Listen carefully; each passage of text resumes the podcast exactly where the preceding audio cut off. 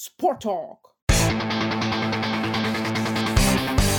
Krijgt hij de bal laten lopen. Binnen, binnen, binnen, binnen. Heeft België mis en is België wel wereldkampioen. Vincent van As is opnieuw de held in de shootout. Tommeke, Tommeke, Tommeke, wat doe je nu? Tom Bonne gaat wereldkampioen worden. Bart zet het puntje op de i van Swings. En heeft zijn goud te pakken. Daar is het, daar is het. Lotte Kopecky gaat de Ronde van Vlaanderen winnen. We hebben een nieuwe winnares van de Ronde van Vlaanderen. Na Grace Verbeke 2010 wint Lotte Kopecky de Ronde van Vlaanderen. Welkom bij een nieuwe aflevering van Sport Talk, de podcast waarin studenten sportjournalistiek van Ho West in gesprek gaan met bekende figuren uit de sportwereld. Ik ben Fran en mijn collega vandaag is Jarne. Dag Jarne. Dag Fran. Vandaag bij ons te gast is Serge Gumini, voormalig scheidsrechter in België en ook op internationaal niveau. Serge, welkom. Goedemiddag. Hoe gaat het ermee? Prima, dank u wel. Dank u. We hebben een, eh, eerst een kleine quiz voorbereid over ehm, uw carrière, een paar vraagjes.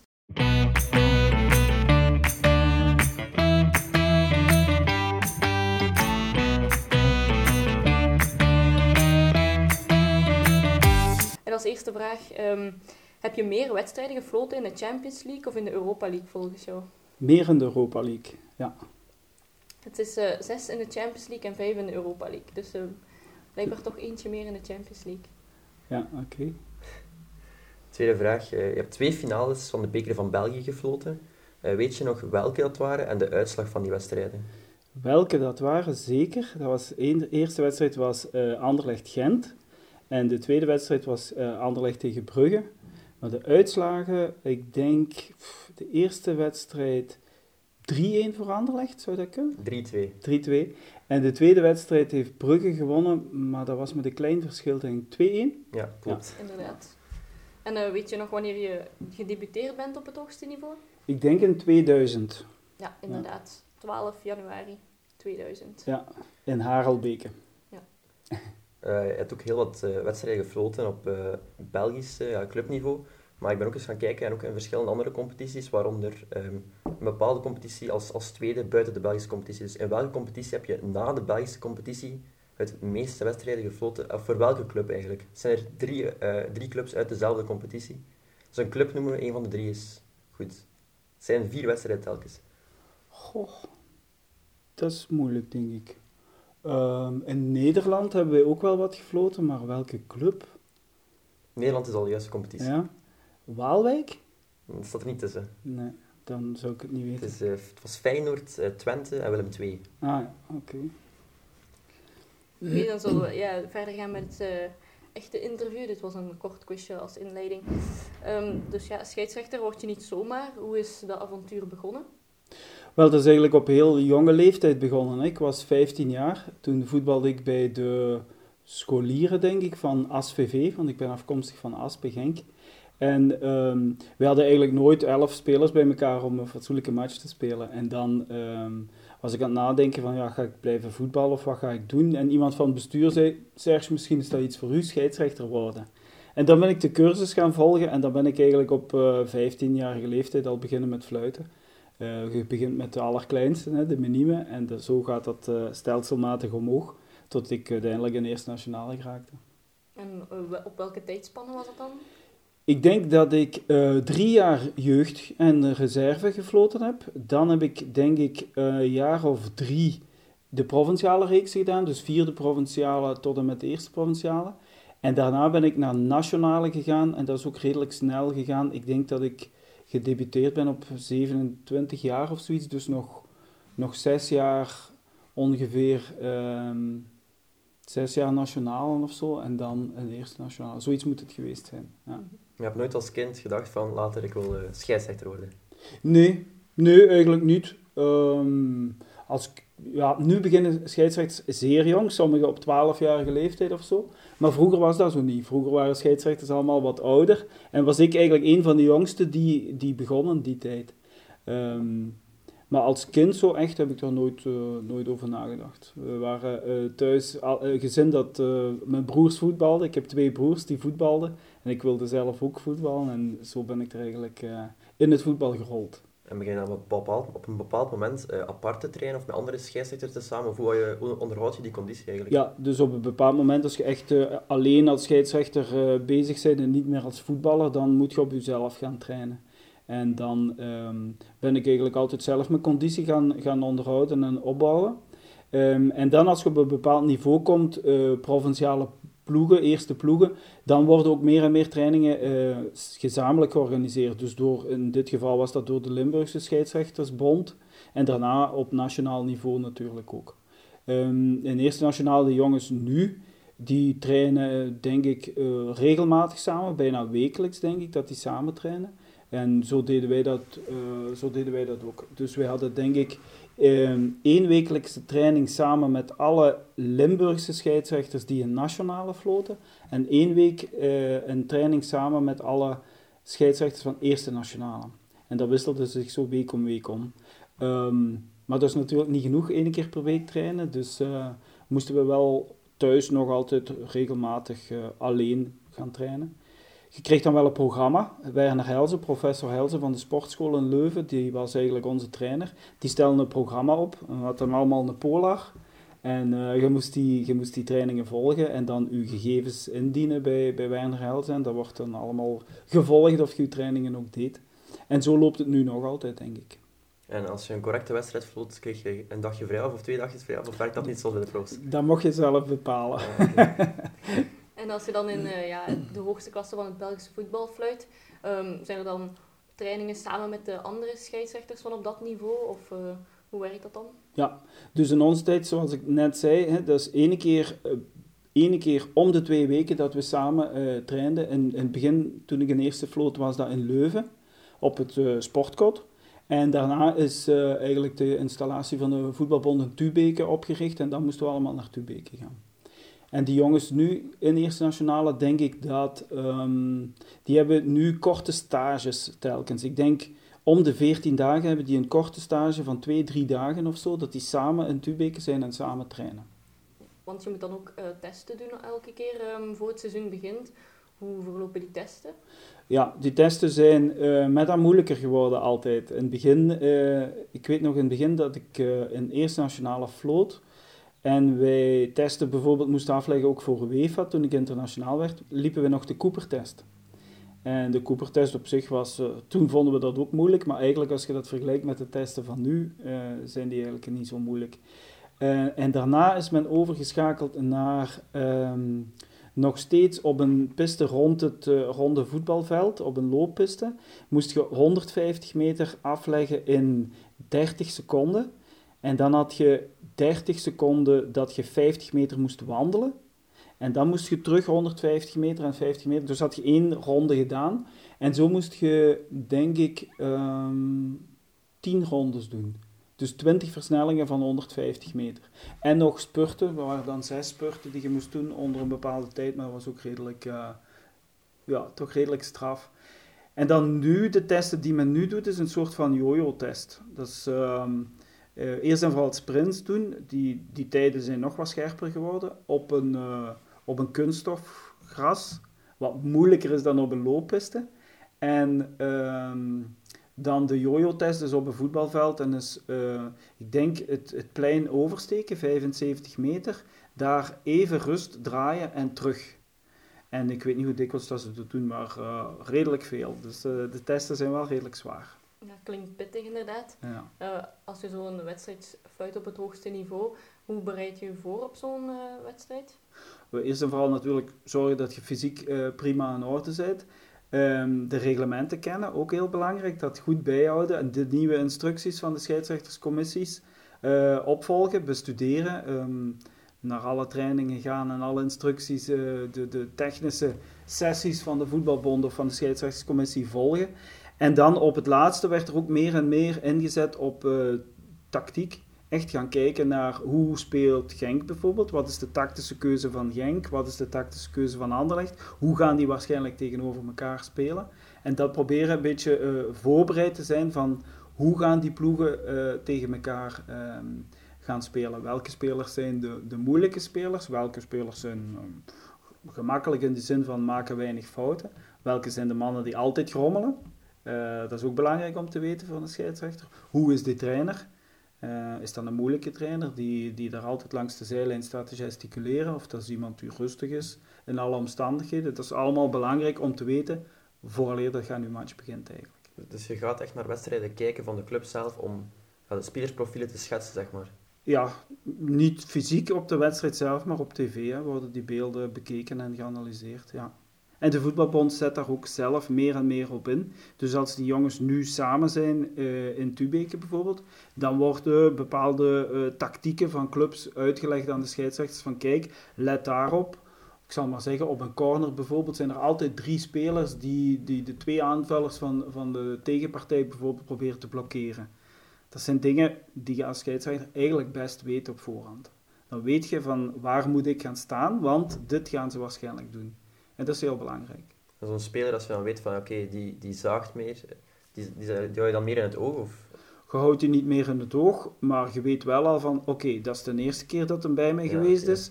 En bij de tweede keer ga ik iets moeten doen, want anders komt hij tien keer. Dus, maar dat weet je dan al op voorhand. En leer je dan ook de namen van buiten van de spelers? Of, of gaat je dat wel uh, leren? Gewoon, na, na verloop van tijd, na een aantal jaren in de Eerste Nationale, uh, leert je de meeste spelers wel kennen. Nu, ieder seizoen veranderen die, die, die ploegen ook van spelers. Hè. Dus uh, komen veel nieuwe spelers bij, gaan veel spelers weg. Maar um, ja, die echt, echt die namen van buiten leren heb ik eigenlijk nooit, nooit gedaan. Ook communicatie is zeer belangrijk, denk ik, in de scheidsrechterwereld. Uh, ja, hoeveel talen spreek je dan voor met die spelers te kunnen communiceren? En heb je er ook talen moeten bijleren? Mm, ik ben niet echt talen gaan bijleren. Ik denk Engels is het allerbelangrijkste. In België natuurlijk ook Frans. Hè. Als je in standaard gaat fluiten of in, uh, in Charleroi moet je toch uh, proberen Frans te spreken. Maar Engels is het aller, allerbelangrijkste. Ik had het voordeel dat ik redelijk goed Duits sprak. En um, ik heb ook verschillende Duitse ploegen gefloten in, in de Europa League en, en, en de UEFA Cup enzovoort. En, en dan is het ook wel... Die spelers vinden dat wel fijn als je dan hun taal spreekt. Dus dat is dan wel een voordeel. Ja, tijdens de wedstrijd zijn er vaak zo dat de scheidsrechter en een speler is... Uh, ja, onderling wat babbelen. Wat wordt er dan zo al gezegd? Het hangt van de situatie af natuurlijk. Als een speler komt grommelen um, over een bepaalde fase, kan, kan het goed zijn dat je er wat uitleg over geeft. Of dat je zegt van jongen, kijk, het is al de tweede of de derde keer dat je hier komt uh, grommelen. Uh, het moet gedaan zijn of ik ga je een geel kaart geven. Uh, of je mocht wel iets komen zeggen, maar je moet dat niet ostentatief met gebaren doen, zodat heel dat publiek weet dat je eigenlijk mij aan het bekritiseren bent. Dus dat zijn de dingen zo die, die meestal uh, besproken worden in een match tussen, tussen ref en, en uh, speler. Is er een situatie ooit bijgebleven dat je dacht van, amai, wat komt die nu tegen mij zeggen? Of, of dat je echt dacht van, oh... Um, komt hij nu tegen mij zeggen? Nee, eigenlijk niet. Omdat ik, ik probeerde dat zoveel mogelijk af te schermen, dat spelers niet te veel kwamen, uh, kwamen grommelen of uitleg vragen. Want um, je kunt toch nooit echt een goede uitleg geven. Eigenlijk, het gaat allemaal zo snel, gefluit in een fractie van een seconde. En uh, achteraf op beelden is het gemakkelijk om te zien van wat is er precies gebeurd en kun je er ook een uitleg aan geven. Maar op het veld zelf is dat redelijk moeilijk. En grap je soms ook of is het allemaal serieus? Nee, af en toe wordt er wel eens gelachen. Hè. Een speler bijvoorbeeld, die, die, die zei van, wacht, dat heb je toch slecht gezien, slecht gefloten, of dat was toch geen fout, of zo ergens iets. En dan gaf hij bijvoorbeeld een slechte pas, dan durfde hij ook al eens zeggen van, ja, uw pas was niet veel beter. Hè. En dan werd er eens gelachen, en dan was het voorbij. Dus zulke dingen gebeuren wel eens, ja. Ja, ik weet ook vaak het stadion uh, over je heen, denk ik, als scheidsrechter bijna nooit positief. Hoe ga je daarmee om? Daar leert je mee omgaan. Hè. Uh, in het begin, als je gaat fluiten, is er bijna geen publiek. Alleen wat ouders, die tegenwoordig ook wel moeilijk zijn, hè, want die roepen ook wel van alles. Maar hoe langer dat je fluit, hoe meer en meer publiek dat er natuurlijk komt. En uiteindelijk, als je een eerste nationale fluit, zit je daar eigenlijk al tegen gehard dat je je weinig aantrekt van wat er in het publiek allemaal nog uh, geroepen wordt. Ik denk ook dat het groot verschil is bij die ouders, zoals je zegt, zijn het echt individuen, die, die hoor je echt wat dat ze zeggen. En dan het stadion is ja. ja meer apart tenzij er is en, en ja, samen een keer gezongen wordt uh, naar jou. Ja, dat is, dat, is, dat is heel waar wat dat gezegd. Hè. In, in, waar heel weinig volk is, in een provinciale match bijvoorbeeld, dan weet je exact wie wat roept, want je weet zelfs waar dat die persoon staat. En dan is het moeilijk om, denk ik, dat, dat is sowieso moeilijk om daar ehm, ja, dat naast u neer te leggen en daar niet mee bezig te zijn. In een groot stadion waar, waar heel veel volk zit, oh, daar wordt van alles geroepen en gefloten en je weet eigenlijk niet goed wat dat ze eigenlijk roepen, tenzij er echt gezangen zijn die er, eh, die er plaatsvinden. Ja, je hebt uh, veel wedstrijden gefloten. Uh, wat was volgens jou je mooiste wedstrijd?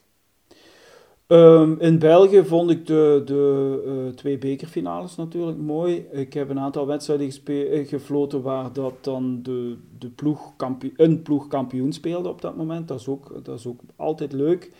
Um, er zijn een paar spannende wedstrijden geweest. Um, bijvoorbeeld, ik herinner mij Gent tegen Standaard in een bepaald seizoen, toen er nog... Um, toen Standaard de testmatchen heeft moeten spelen tegen, tegen Anderlecht. En heel op het laatste van de match, in de allerlaatste minuut, denk ik, eh, Standaard stond denk ik met 1-0 achter. Uh, fluit ik een straf... Of Standaard leidde met 1-0, zo was het. En ik fluit een strafschop voor Gent. Um, en dat zou betekenen als ze die scoren dat uh, Standaard eigenlijk geen testmatje moest spelen en dat Anderlecht kampioen was. Um, maar Gent miste die penalty. ja. En dus waren er twee testmatchen en dat is dan allee, dat is wel heel uh, spannend op dat moment. Uh, supporters van Standaard braken het stadion bijna af. Um, ja, het was een speciale match. Je hebt ondertussen ook in, in zeer veel stadions mogen fluiten. Hoe ga je er eigenlijk mee om in het begin als je denkt van, ho, ho wat is dat hier voor een, ja, een, tempel, zeg maar? Ja, ook daar groeit je in natuurlijk. Hè. Um, van, van in de nationale reeks en al krijg je met dan grotere uh, stadions. En dan komt je een eerste nationale en dan zijn de stadions echt wel groter dan een tweede nationale. En dan gaat je internationaal. Ik heb het geluk gehad dat ik verschillende keren met Frank de Bleker ben meegeweest als uh, vierde official, zoals ze dat noemen. En ook dan leert je al in nog grotere stadions komen en, en daar je match te doen.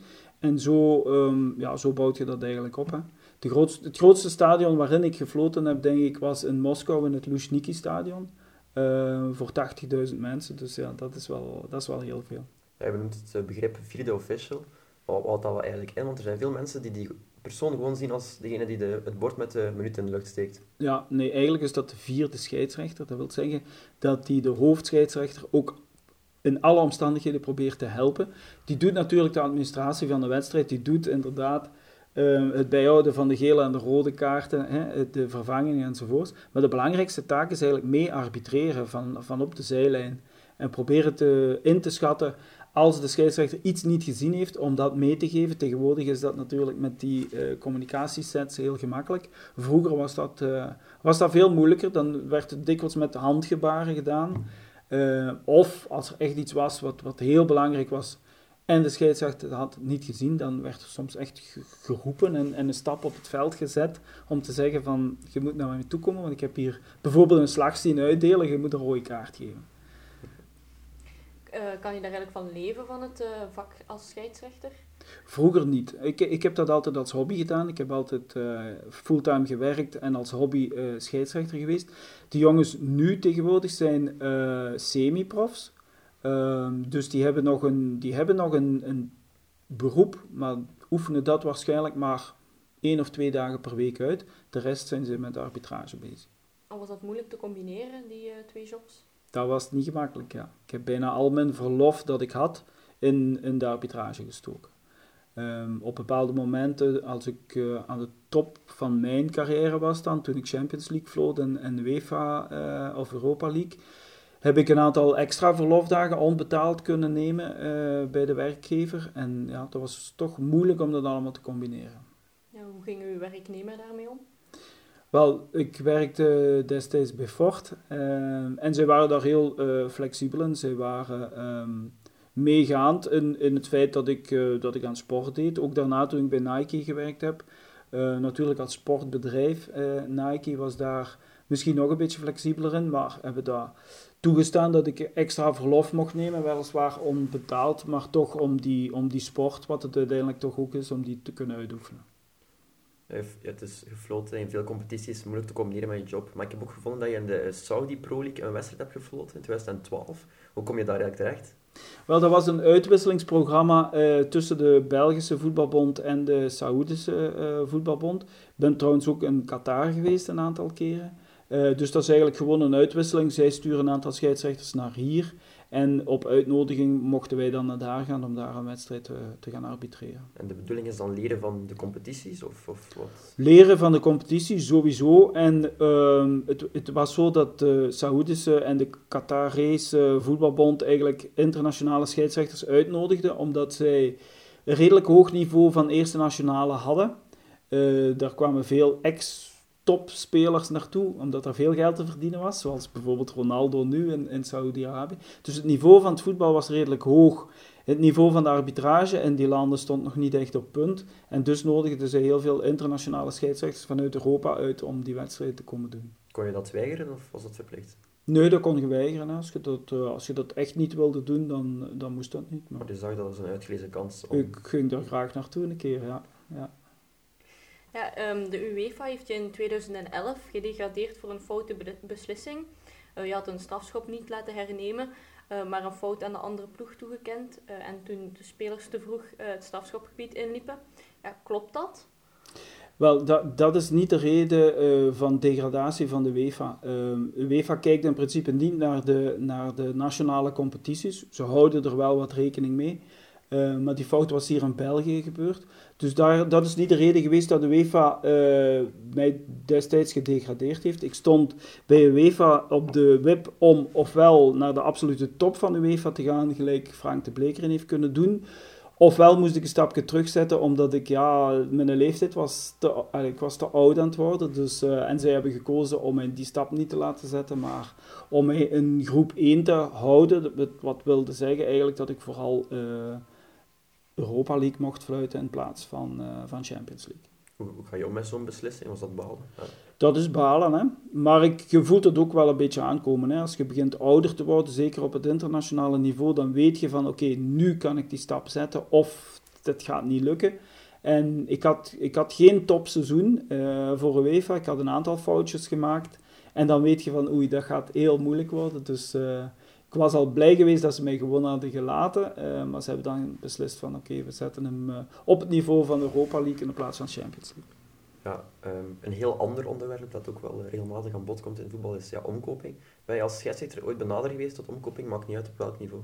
Nee, nooit. Dan moet ik zeggen dat dat eigenlijk nooit gebeurd is. Um, er is geen enkel club of bestuurder of speler of trainer ooit uh, naar mij toegekomen om te vragen van, kunnen we iets regelen? Ik denk dat dat ook te maken gehad heeft, in, zeker in het begin van mijn carrière was ik natuurlijk heel jong. En iedereen wist dat ik heel ambitieus was. Dus wisten ze ook van, ja, we moeten dat niet gaan vragen. Want als je het gaat vragen, die gaat dat ten eerste nooit doen, want hij wil, carrière maken. En ten tweede gaat hij dat waarschijnlijk ook nog eens rapporteren dan aan de voetbalbond. En dan komen we in grote problemen. Dus ik denk dat dat de reden was waarom dat ze dat uh, um, zeker nooit aan, aan, aan, mij gevraagd hebben. En later heen in Eerste Nationaal en zo gebeurt dat eigenlijk. Dat gebeurt niet. Mensen spreken daar heel veel over, maar het risico is uh, zo groot voor zowel club als scheidsrechter dat dat, dat, dat uitkomt. En dat gebeurt, dat gebeurt niet, in mijn ogen. Bij twee collega's van jou, denk ik, als ooit collega's van jou zijn geweest, uh, is dat wel gebeurd.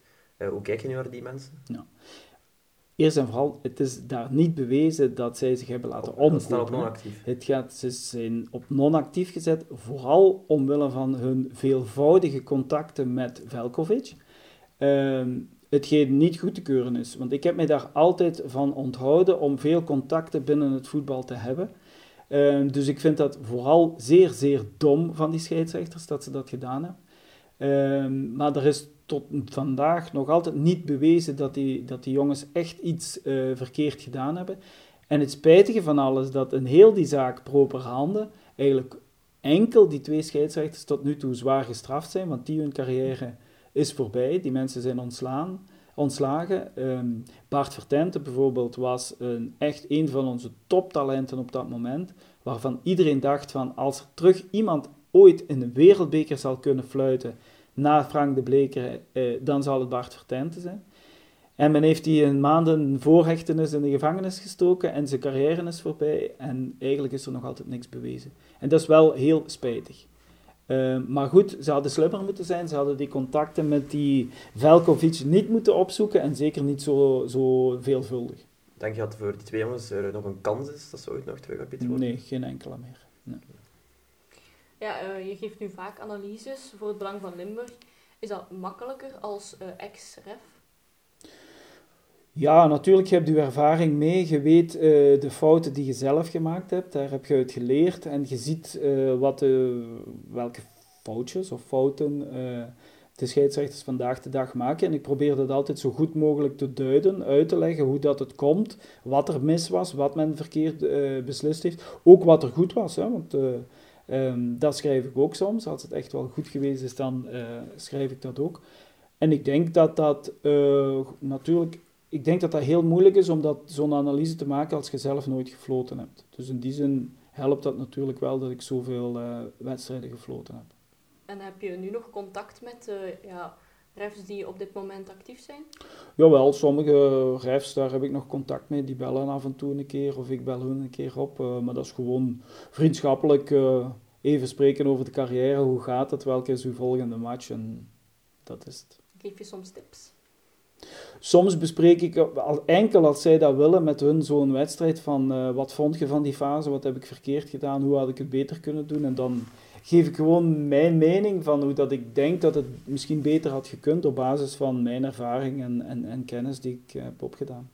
Als je nu naar een voetbalwedstrijd nog kijkt, is dat dan kijk naar het voetbalspel of is echt dat meer de scheidsrechter in het oog houden van dat is mijn beroep geweest en ik deed het misschien wel beter. Ja, nee, het is eigenlijk vooral de scheidsrechter in het oog houden. Um, allee, het is, hoe, hoe langer dat ik eruit ben, ik ben nu bijna zes seizoenen gestopt zeker, uh, hoe langer dat ik eruit ben, hoe meer dat ik terug naar het voetbal begin te kijken en minder naar de arbitrage. Maar uh, het, is toch, uh, het is toch altijd, als, als er een foute beslissing genomen wordt, dan zit je toch altijd bezig met hoe komt het dat hij die foute beslissing genomen heeft. Hoe komt het, waar stond hij, wat heeft hij verkeerd gedaan, um, had, hij, had hij zich slecht opgesteld, dat soort zaken. En kan je als scheidsrechter in een match ook genieten van het, van het mooie voetbal of ben je te geconcentreerd? Eigenlijk geniet je er niet van. Uh, je bent zo geconcentreerd op die wedstrijd bezig. Uh, ik heb bijvoorbeeld een Real Madrid gefloten voor de Champions League. En als ik daar nu over terugdenk, dan zeg ik altijd, we hadden daar toch meer van moeten proberen te genieten. Maar dat, dat gaat eigenlijk bijna niet. Als vierde official gaat dat beter. Ik heb uh, met Frank de Blekeren um, twee halve finales van de Champions League gedaan. Um, ik denk Barcelona, Real, uh, Barcelona, Inter Milaan eerst en daarna Barcelona, Real Madrid. En dan heb je wel de tijd om een beetje te genieten en, en te kijken van wat er allemaal gebeurt. Wat ik me afvraag is, worden er uh, onder scheidsrechters onderling ook, of, of scheidsrechters en spelers ook truitjes gewisseld of gewoon een truitje gegeven? Nee. Dus dat is ook, uh, wordt ook afgeraden door de UEFA en de FIFA, omdat wij, allez, als scheidsrechter moet je absoluut neutraal proberen te blijven, uh, of moet je blijven. En het vragen of het krijgen van het truitje van een speler duidt eigenlijk op een soort van voorkeur voor een of andere speler. En dat uh, moet in alle tijden vermeden worden. Um, ik, ik, ik weet dat, ik denk, een, een Poolse scheidsrechter ooit in Genk een truitje van Real Madrid gevraagd heeft of zo. En zijn carrière was uh, na die match voorbij. Dus. Ook niet je op pensioen bent gegaan, want in de Bundesliga is er een scheidsrechter, hij was op pensioen en heeft toen het uh, shirt van Holland gewisseld met zijn. Ja, dat gebeurt hier in België niet. Nee. Uh, ik heb mijn laatste match gefloten en um, daar zijn geen truitjes uitgewisseld. Nee, dat is, geen, dat is niet iets wat men in België doet. Nee. En was je stiekem wel fan van uh, bepaalde spelers of was dat niet het geval? Nee, eigenlijk niet. ook omdat je daar zoveel mogelijk afstand van neemt. Um, je ziet natuurlijk wel een bepaalde speler liever uh, spelen dan een ander. Ik bedoel, een, een goede middenvelder, spelverdeler of een, een goede spits zie ik liever voetballen dan een, een, een bikkelharde verdediger. Um, maar voorkeur of uh, supporter zijn van, dat, nee, dat zit, er, dat zit er niet in eigenlijk. Dat, dat interesseert u op dat moment ook niet. Hè. Je probeert gewoon de juiste beslissingen te nemen zonder voorkeur te hebben voor eender wie. Ja, er is ondertussen in het voetbal ja, zeer veel veranderd, heel veel evoluties, uh, waaronder de VAR. Ja, bent, bent u voor of uh, tegen de VAR? Ik ben voor de VAR als men de VAR uh, goed gebruikt. Um, eerste opzet van de VAR was de grote fouten uit het arbitrage te halen. Ik geef een voorbeeld, een echte Schwalbe, die de scheidsrechter niet gezien heeft, maar toch strafschop fluit en misschien zelfs een rode kaart geeft. Uh, dat soort fases probeert men met de VAR, of was de bedoeling om met de VAR uit het voetbal te halen. Heel duidelijke zaken die eigenlijk heel België gezien heeft, maar de scheidsrechter misgezien heeft en, en dus ook de verkeerde beslissing genomen heeft. Uh, die moesten eruit. Ik vind dat men de VAR te uh, veel aan het gebruiken is voor kleine dingen waar eigenlijk niemand om vraagt. Um, kleine fouten waar men over tussenkomst en zegt van moet anders, moet een andere beslissing zijn. Uh, daar vraagt het voetbal niet om, volgens mij. Ook als je ziet uh, de buitenspel. De buitenspel tegenwoordig, uh, ja, dat is een millimeter berekening om te zien of een speler buitenspel staat. Ik weet niet of het voetbal daar eigenlijk op gewacht heeft, op, op dergelijke beslissingen. Vind ik overdreven. Ja, want je zegt dus bij zeer duidelijke uh, overtredingen van de scheidsrechter uh, mis, mis, miszien. Uh, recent in de Conference League was er een fase dat de bal over de lijn was. Uh, goal-technologie zegt doelpunt.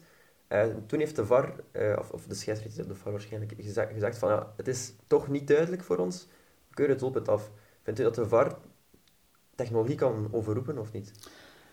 Wel, technologie is maar zo goed als uh, goed werkt natuurlijk. En um, als op het beeld te zien is dat die doellijntechnologie niet goed werkt, ja, dan moet je natuurlijk ergens proberen tussen te komen, want dan werkt de technologie op dat moment niet. Het was echt een twijfelgeval. Ja, dan... Uh, dat vind ik moeilijk, eerlijk gezegd. Hè. Een twijfelgeval zou ik eerder uh, de technologie volgen dan het, uh, dan het menselijk oog. ja, en ja, waarschijnlijk wel mede door de VAR is de, zijn de hensregels ook stilaan uh, ja, veel strenger geworden. Wat vind je daarvan? De hensregel is voor mij uh, een, een, een uh, zeer moeilijke. Vroeger was het gemakkelijker. Vroeger stond in het reglement gewoon als men vrijwillig hens maakt. En dan waren er een aantal instructies rond van wat is vrijwillig. Dat is uw hand uitsteken naar de bal en zo verder. Uw lichaam echt veel breder maken. De regels van tegenwoordig, men heeft er bijna een wetenschap van willen maken en uh, niemand begrijpt ze nog, denk ik. Ook de scheidsrechters niet. Want je ziet iedere week andere beslissingen. Is dat ook niet het grote probleem waarom de VAR juist ja, niet goed werkt op sommige momenten, omdat de regelgeving gewoon te onduidelijk is? Ja, ik weet niet of dat echt de fout van de VAR is hoor. Uh, ik denk dat men uh, op het niveau van de IFAB, hè, dat is de International Board die de reglementen eigenlijk schrijft, dat men daar heeft trachten zoveel mogelijk die hens-situaties te verduidelijken. En door daar zo diep op, op in te gaan en daar zoveel verduidelijking te trachten te geven, heeft men het veel te moeilijk gemaakt volgens mij. Ondertussen heb je dus ja, YouTube-afleveringen van de Review, waarin er altijd de, de beslissing van de scheidsrechters beter wordt uitgelegd. Ik denk dat dat alleen maar bijdraagt uh, aan de voetbalwereld. Dat vind ik positief, want heel veel mensen um, begrijpen dikwijls niet waarom dat er een bepaalde beslissing genomen is. En dan is het goed dat iemand van het referee department of eender wie, of de, de ref zelf, achteraf uh, die uitleg komt geven waarom dat een bepaalde beslissing uh, genomen is. En ook komt, indien het nodig is, toegeven dat een bepaalde beslissing verkeerd was. Ik denk dat daar heel veel supporters, vooral supporters, zitten daar vooral uh, dikwijls op te wachten van uh, leg ons nu een keer uit waarom dat je die foute beslissing genomen hebt.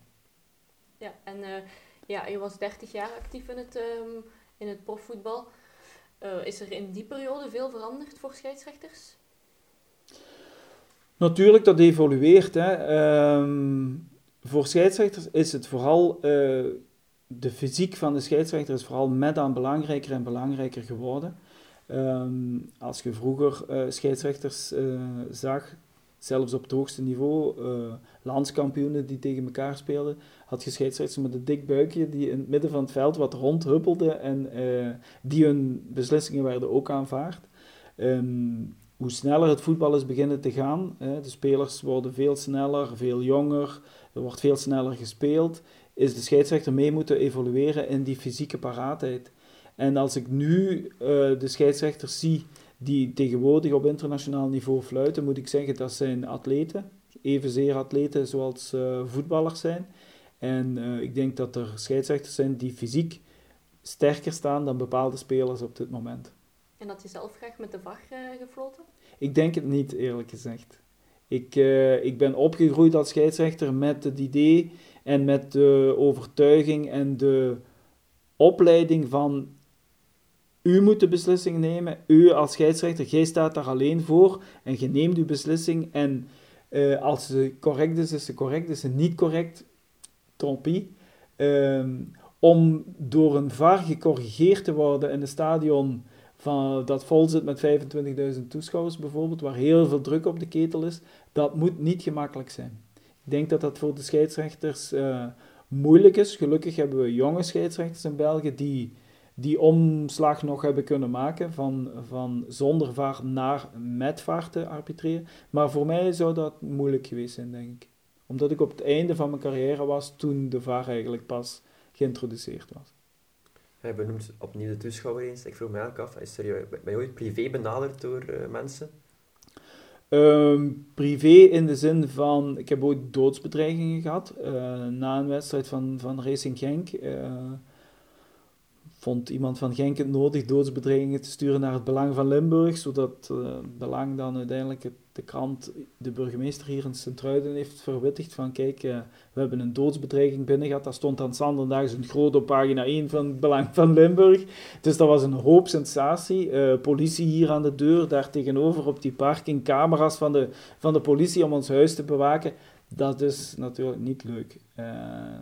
maar goed, ja, dat hoort er soms bij. Denk je op die moment van stoppen soms? Of? Ik heb er eigenlijk nooit aan uh, gedacht. Nee, nee, absoluut niet. Ook om die, die doodsbedreiging was rechtstreeks tegenover mij en dat kon ik wel uh, plaatsen. Moest dat geweest zijn tegenover mijn zoon bijvoorbeeld, die toen nog heel klein was, of tegenover mijn vrouw, dan, uh, dan zou ik er misschien veel meer problemen mee gehad hebben. Dan was ik misschien wel gestopt, wie weet. En hoe is dat dan afgelopen met die doodsbedreiging? Dat is eigenlijk gewoon, uh, dat, is, dat is niks geweest. Hè, ja. Dat is een of andere zot die zo'n brief naar het Belang van Limburg gestuurd heeft. En, en, gelukkig is het daar dan ook bij gebleven. Maar ze hebben hem nooit uh, gevonden? Nee. Ja, en uh, in 2004 vloot je de wedstrijd Anderlecht-La Louvière. Een wedstrijd die je misschien nog wel herinnert, want ja, Anderlecht die won uiteindelijk wel met 2-1. maar er was toen veel te doen over de 1-1 van Anderlecht. Want ja, tijdens het schot ontplofte de bal en uh, hij ging dan binnen en uh, je keurde de goal goed. Um, en bij La Louvière was er dan veel protest. En um, ja, hoe kijk je daar eigenlijk op terug nu? Maar ik heb, dat heb ik mijzelf eigenlijk nooit uh, verweten. In die zin, uh, trapt die bal keihard van, denk net binnen de baklijn pff, in doel. En niemand had volgens mij iets gemerkt. Um, totdat iemand van Charleroi die bal uit, uit het doel haalt en die trapt die zelfs in het publiek. Die bal komt terug uit het publiek. En dan zeggen die spelers van, Charleroi, uh, uh, van La Louvière, de bal was kapot, de bal was kapot. Ja, uh, als die bal uit het publiek komt, dat kan zijn dat die kapot is. Dus wij hadden dat absoluut niet gezien en ook volgens mij niet kunnen zien dat die bal in de lucht gesprongen was. Achteraf op beelden van Canal Plus in die tijd nog, zag je inderdaad, doordat het uh, heel nat was op het veld, het had geregend denk zag je dat die bal in de lucht, zag je daar een hele luchtbel op die bal komen en zag je zo de lucht uit die bal gaan.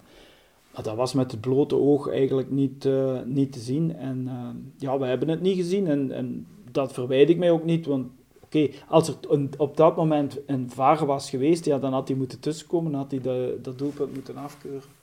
Maar wat je niet kunt zien, kun je niet zien. En uh, ja, daar was volgens mij niks aan te doen. Ja, dat is waar. Ja. Maar La Louvière is dan wel een beroep gegaan. Um, ja. ja. doet dat dan iets met u? Nee, eigenlijk niet, want ik begreep wel dat die mensen op basis van de beelden natuurlijk wilden zeggen van kijk, hier is een scheidsrechterlijke missing gebeurd. Uh, want de bal was stuk voordat hij over de lijn ging en eigenlijk had er daar een scheidsrechtersbal moeten gegeven worden. Uh, dus dat begreep ik wel dat die in, in beroep gingen, maar aan de andere kant uh, zegt het reglement ook dat de scheidsrechter op het veld bij wijze van spreken God is. En als hij het beslist uh, op die manier, dan, dan is het zo. Dus ik wist eigenlijk wel dat ze waarschijnlijk uh, geen gelijk konden krijgen. Ze hebben in eerste instantie wel gelijk gekregen, maar men is dan in beroep gegaan. En dan heeft het allemaal zo lang geduurd, typisch Belgisch, totdat er uiteindelijk geen echte uitspraak meer geweest is, denk ik. Of zelfs ja, dat, er eigenlijk, dat het niet meer uitmaakte wat de uitspraak nog was, want La Louvière was ondertussen al helemaal weggezakt in het klassement en uh, interesseerde zelfs de, de, de uitspraak niet meer. Wat zijn volgens u de grote werkpunten voor uh, de scheidsrechters in België? Of de scheidsrechterbond, gezegd? Met oog op de toekomst. De grote werkpunten voor de toekomst. Ik denk fysiek eh, staan, ze, staan ze 100% eh, in orde. Daar, daar is niet veel verbetering meer te halen, denk ik. Ik denk dat in match management, dat wil zeggen hoe dat je omgaat met de spelers, hoe dat je bepaalde situaties streng of minder streng aanpakt, daar is nog heel veel uh, ontwikkelingsmogelijkheid, denk ik. En de samenwerking met de VAR moet absoluut beter in België om op internationaal niveau echt mee te kunnen. Als je ziet uh, de manier waarop de VAR ingezet wordt en gebruikt wordt in de Champions League, als je dat vergelijkt met de Belgische competitie, dat is een heel groot verschil. Vind je dat er vanuit de, de club zelf ook meer beleid moet komen richting de spelers van hoe dat er moet omgegaan worden met de scheidsrechter? Ik vind dat, uh, dat men vanuit de voetbalbond veel strenger moet zijn op spelers die, um, die niet op een fatsoenlijke manier met de arbitrage omgaan.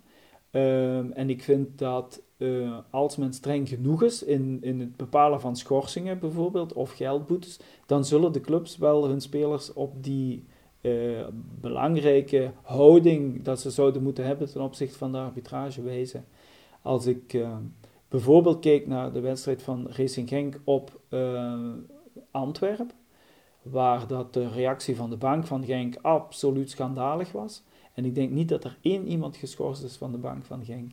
En dat is geen goede boodschap van de voetbalbond naar de arbitrage toe. Want dat wil eigenlijk zeggen dat je je arbiters niet voldoende uh, beschermt. En dat is niet alleen belangrijk voor de arbitrage op het hoogste niveau, maar is vooral belangrijk voor de arbitrage in de lagere regionen. Want die jongens die staan daar heel alleen, daar zijn geen stewards, daar is niemand anders om hun te beschermen. Die moeten alleen naar die wedstrijd gaan. En dus moet de, de, voetbalbond de boodschap geven dat zij met strenge straffen zullen hun scheidsrechters beschermen als ook maar iemand eigenlijk die scheidsrechters probeert aan te vallen. En dat gebeurt te weinig. Dus daar, heeft de, daar schiet de bond schromelijk tekort in mijn ogen en uh, dat zou veel beter moeten.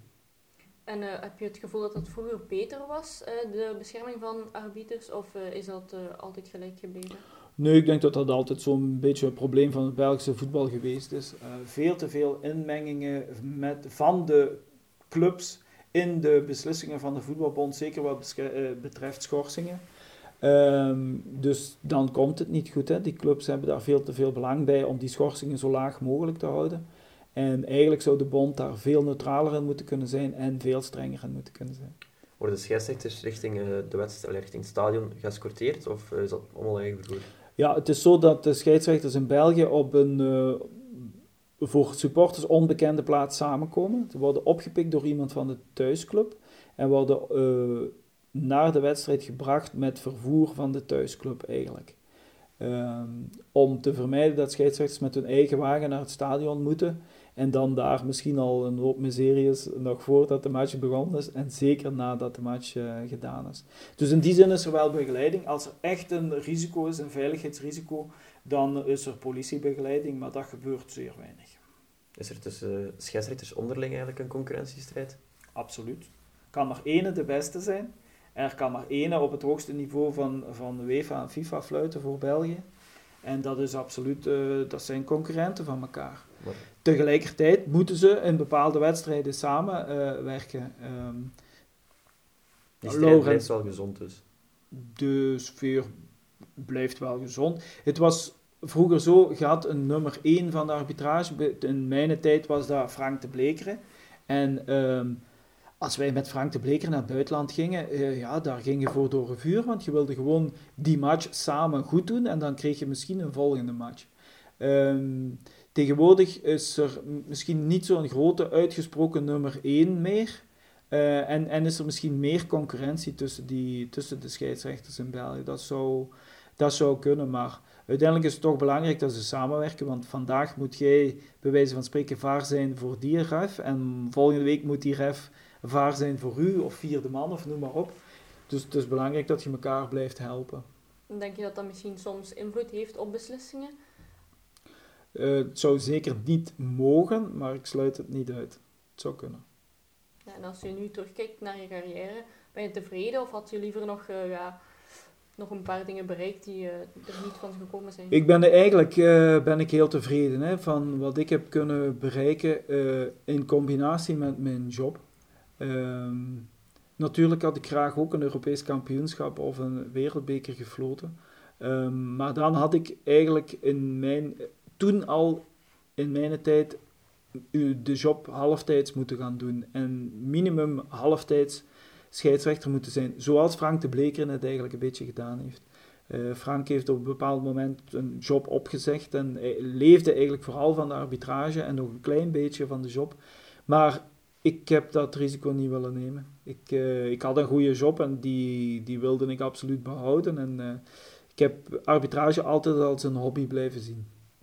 Wat natuurlijk maakt dat ik niet het allerhoogste niveau bereikt heb. Maar uiteindelijk ben ik wel content met wat ik uh, heb mogen arbitreren, zal ik zeggen. Ja. Zijn er op dit moment scheidsrechters die u echt uh, zeer goed vindt? Well, ik denk dat we in België zeker een aantal goede scheidsrechters hebben. Hè. Uh, er is nog groeimarge, dus uh, Laurens Visser, Bram van Driessen, ehm, de vorige week gefloten Erik Lambrechts, vind ik allemaal goede, scheidsrechters. Um, internationaal moet ik zeggen, volg ik het eigenlijk een, een, beetje minder. Er zijn ook heel veel veranderingen gekomen. Ook internationaal heb je niet meer de grote namen zoals Pierluigi Collina of Anders Frisk of die namen, Frank de Bleker vroeger. Dat waren echt zo grote namen in de arbitrage, jaren aan een stuk op het hoogste niveau. Die tijd is ook stilaan voorbij, denk ik. Er zijn heel veel scheidsrechters die al redelijk jong op het allerhoogste niveau komen, die uh, Champions League finales fluiten, maar die dat niet uh, tien jaar volhouden, zoals bijvoorbeeld een Frank de Bleker dat heeft kunnen doen. Denk je dan dat het scheidsrechtersniveau vroeger hoger was? Nee, daarom niet, denk ik. Ik denk dat het gewoon nu uh, sneller, um, sneller verandert, sneller vergankelijk is. Vandaag is een Makeli bijvoorbeeld, hè, de Nederlander, een van de toppers, maar dat kan binnen twee seizoenen gedaan zijn. Dan hebben ze weer iemand anders die ze beter vinden. En dat was vroeger, dat was vroeger niet. Vroeger werd er langer vastgehouden aan de, aan de, de top die er was, ook omdat hij heel veel ervaring had opgebouwd. Uh, nu wordt er uh, meer gekeken naar de, de, hoe zal ik zeggen, de toppresteerder van het moment. Uh, en dan kan het snel wisselen natuurlijk. Dat is bij spelers ook zo. Lukaku heeft een heel goed seizoen eh, op een bepaald moment en een slechter seizoen op een ander. En dan eh, wordt hij alweer snel vergeten. En zo is het in de arbitrage op het moment ook. Om af te sluiten hebben we nog een paar dilemma's.